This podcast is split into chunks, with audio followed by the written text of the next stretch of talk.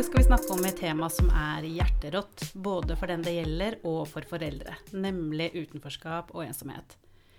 De fleste av oss har kjent på denne følelsen en eller annen gang, og noen beskriver det som en blanding av tristhet, skuffelse og savn.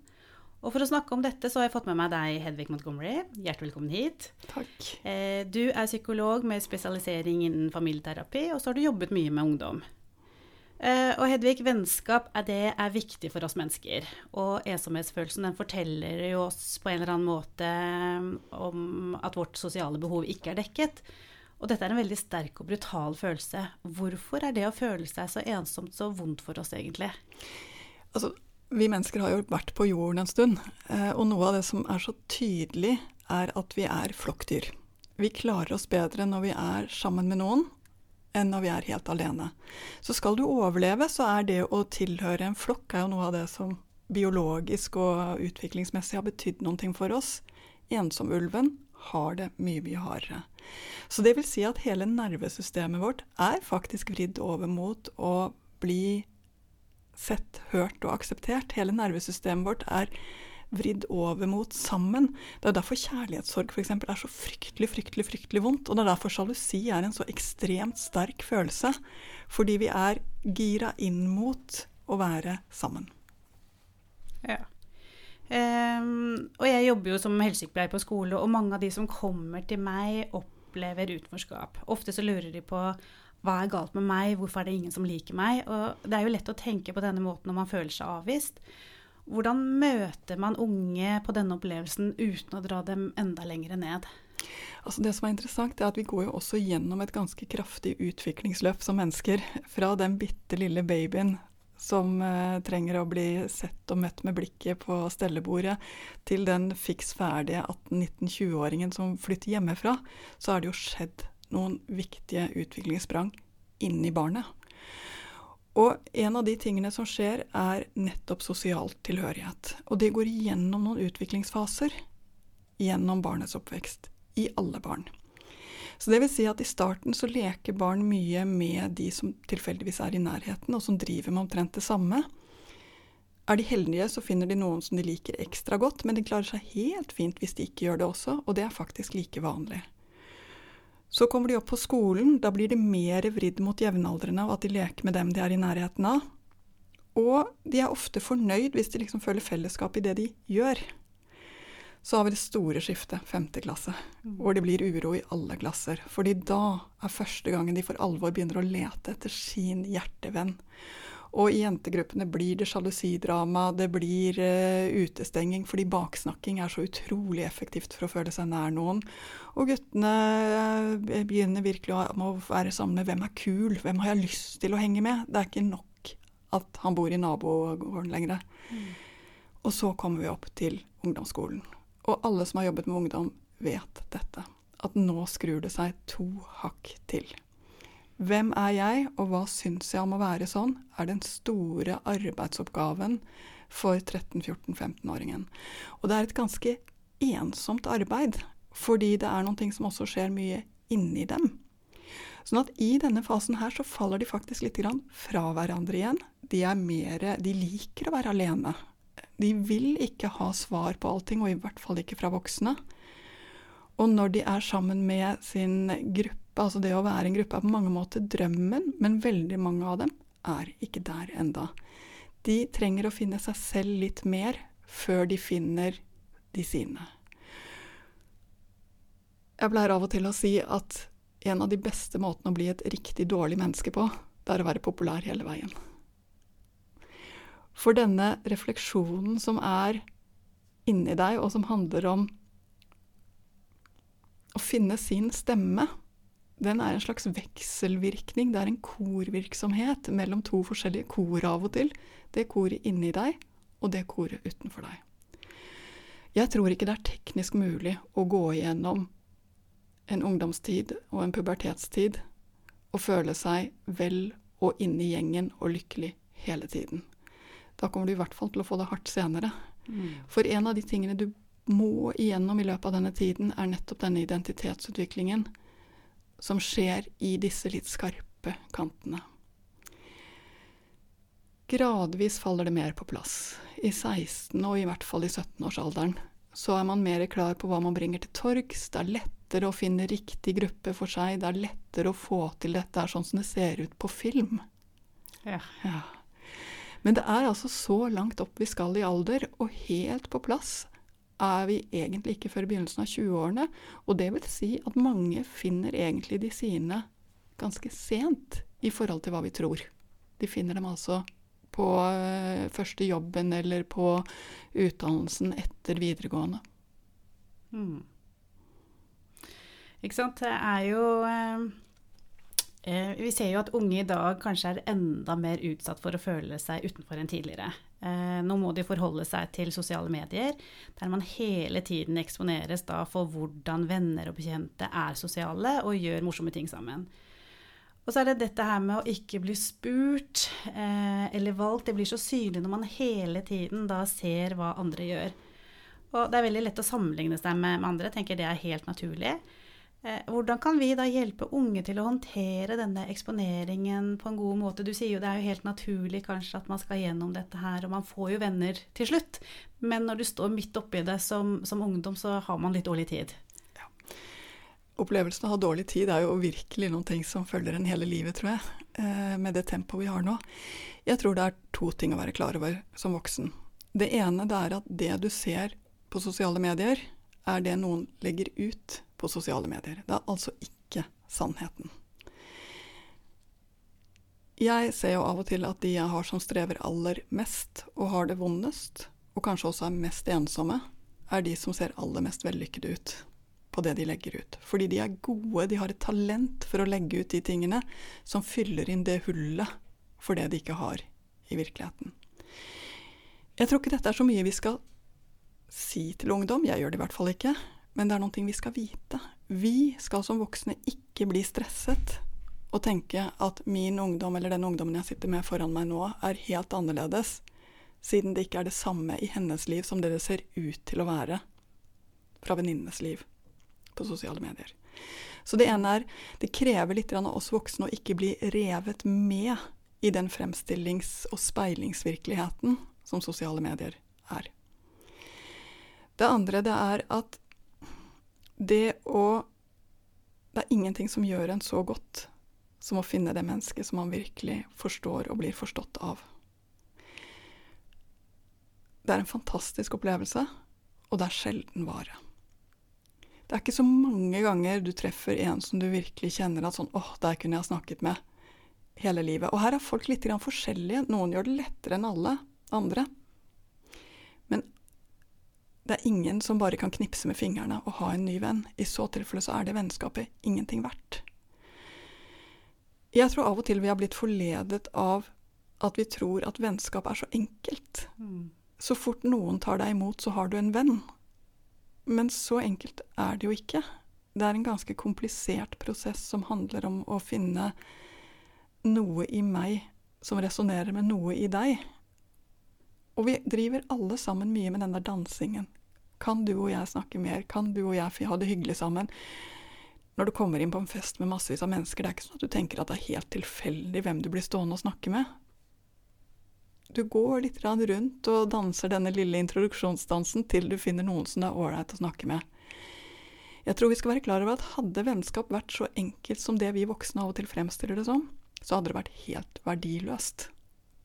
Det er nettopp fordi det er litt sjelden vare at det blir veldig, veldig fint, og det er nettopp fordi det er litt strev å finne de som virkelig betyr noe for oss, at de menneskene blir noe mer enn bare hvem som helst.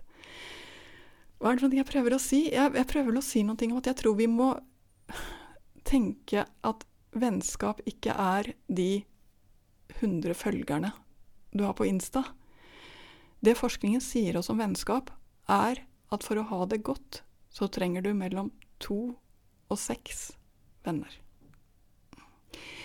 Flere enn seks har vi ikke kapasitet til, for det å ha venner på ekte er arbeidskrevende. Det krever en innsats. Og det å ha mindre, hvis du bare har én, eller hvis du er ingen, er både ensomt og sårbart. Du spør hva gjør vi når vi sitter med den som er ingen akkurat nå? Jo, jeg har brukt lang tid på å komme frem til dette poenget. Husk på akkurat nå. i det du møter denne ungdommen med. Akkurat nå er det sånn. Og det andre det er at det at det er noen som ser, noen som forstår, noen som smiler til deg allikevel, er enda mer verdifullt. Og det at du aksepterer at ja, jeg ser at det er sånn, og jeg liker deg, du er fin, gjør noe med den personen som er mye, mye dypere enn det vi kanskje forstår. Mm. Så bra. Um, ja, for I ulike faser av livet så, så kan vi være sårbare pga. den livssituasjonen vi er i, uh, og ungdomstiden kan være en ekstra sårbar fase. Uh, og mange føler seg til tider overveldet og alene, og det er normalt å føle på dette her iblant. Uh, men når man ofte kjenner seg ensom, så vet vi at dette kan gå utover selvfølelsen. Og da er det kanskje ekstra vanskelig å bli fortalt at man bør bli flinkere til å ta initiativ med andre, for det er ofte det vi sier, ikke sant. Ja, men da kan du gjøre sånn og sånn. Og kanskje vet man ikke helt hva man skal gjøre for å få det bedre. Um, men er det noen ting man kan gjøre selv for å være mindre ensom? Jeg tror man skal være klar over at det du leter etter når du er ensom, er jo de du føler deg vel sammen med. Og de kan være noe annet sted enn der du er akkurat nå. Så det vil si at kanskje er det de du kommer til å drikke øl med når du er 20. Det er så langt frem i tid, og du har jo lyst til å være lykkelig nå. Mm. Men her og nå kan du ikke gjøre noe annet egentlig enn å én tenke at ja ja, så får jeg i hvert fall den tiden til å finne ut av hva jeg kan levere ut. Det andre er at andre steder, andre aktiviteter, nye grupper mennesker er alltid nye muligheter. Og sannsynligvis, når du kjenner det sånn der du er akkurat nå, så er hver gang du får anledning til å uh, se noe sammen med noen andre, om det så er en film, når det er å uh, få en ny, at det kommer noen ny, kanskje konfirmasjonsundervisningen kommer med en ny gruppe mennesker. Altså hver sånn ny mulighet er en mulighet til å se kan det være noen her, altså til å koble seg på. Mm. Mm. Og de mulighetene kommer faktisk litt av seg selv. Konfirmasjonsundervisningen er én, fritidsaktiviteter er en annen, når du bytter til videregående er en tredje. Altså det kommer noen sånne punkter som er spesielt viktige. Og jeg tror ikke du kan slite deg ut i hverdagen med å ta mer initiativ overfor dem du kjenner at ah, her er det ingen kontakt.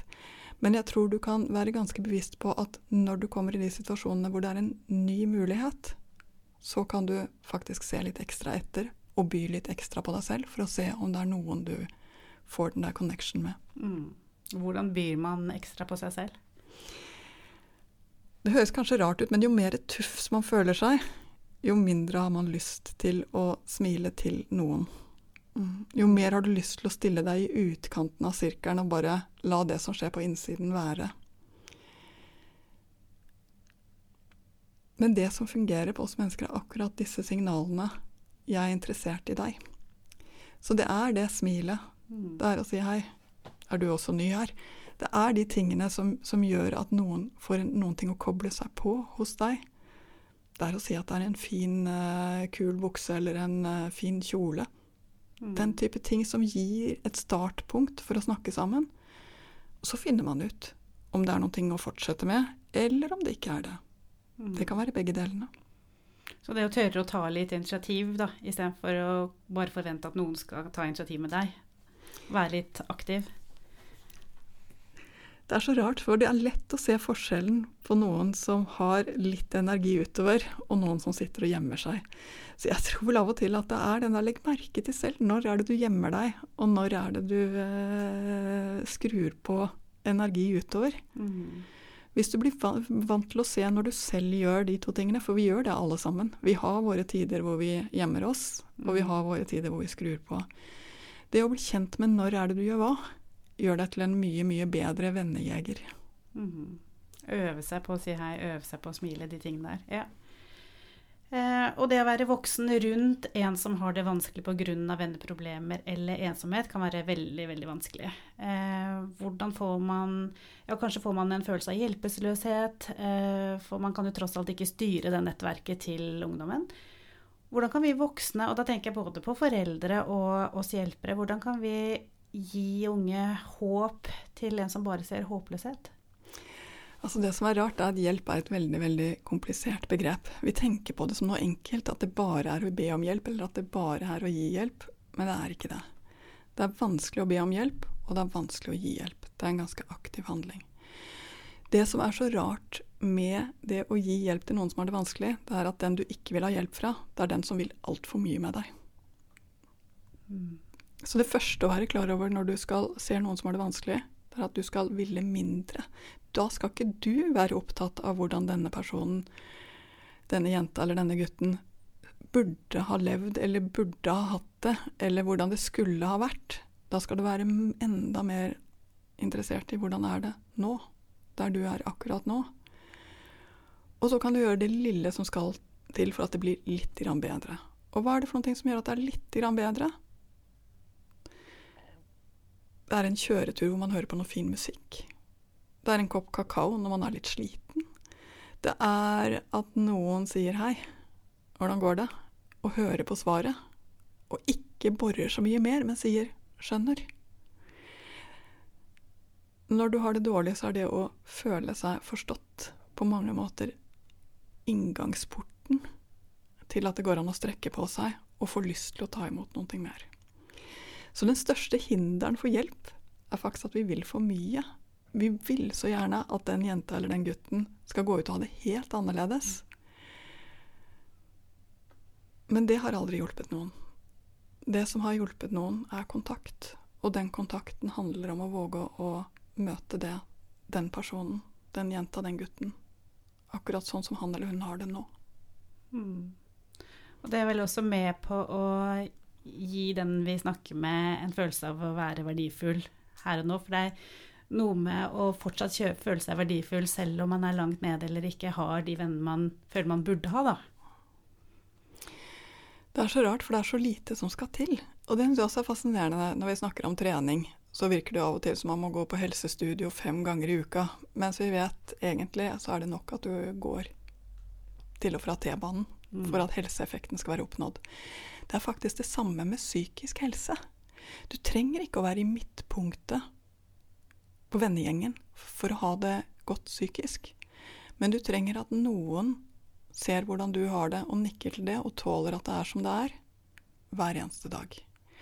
Og det vil si at foreldre er veldig viktige i denne perioden.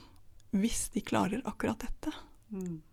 Å si hei og sende det smilet som er 'jeg liker deg', helt på ekte så gjør det en veldig, veldig stor forskjell i ungdomsliv.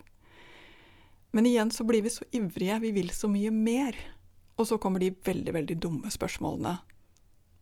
Men hva gjør de andre for noen ting, da? Burde du ikke ha vært sammen med dem? Mm. De tingene som presser en som ikke vet hva de andre gjør, eller som vet hva de gjør og ikke får lov til å være med, enda lenger inn på rommet sitt, enda lenger unna. Mm. Og hva er noen gode spørsmål for foreldre å stille når man har barn i, som er ensomme? Det høres kanskje rart ut, for det er ikke så veldig mye du skal gjøre. Annet enn å bruke de kontaktpunktene dere har. Den der lille, om det er at dere har et eller annet dere gjør sammen, baker eller går tur med hunden, eller lærer noen ting sammen eller ser en eh, film sammen. Det er nesten mer å lage, styrke opp de da punktene av du og jeg sammen, enn det det er å stille så himla gode spørsmål. Mm. Mm. Være til stede. Ja. Tusen takk for at du kom, Hedvig, og takk for alle de fine tankene og rådene som du har delt med oss. Takk skal du ha. Mitt navn er Cindy Engmark Sandvold. Det tekniske var ved Helle Midtbø. Helle og Cindy har også hatt det redaksjonelle ansvaret.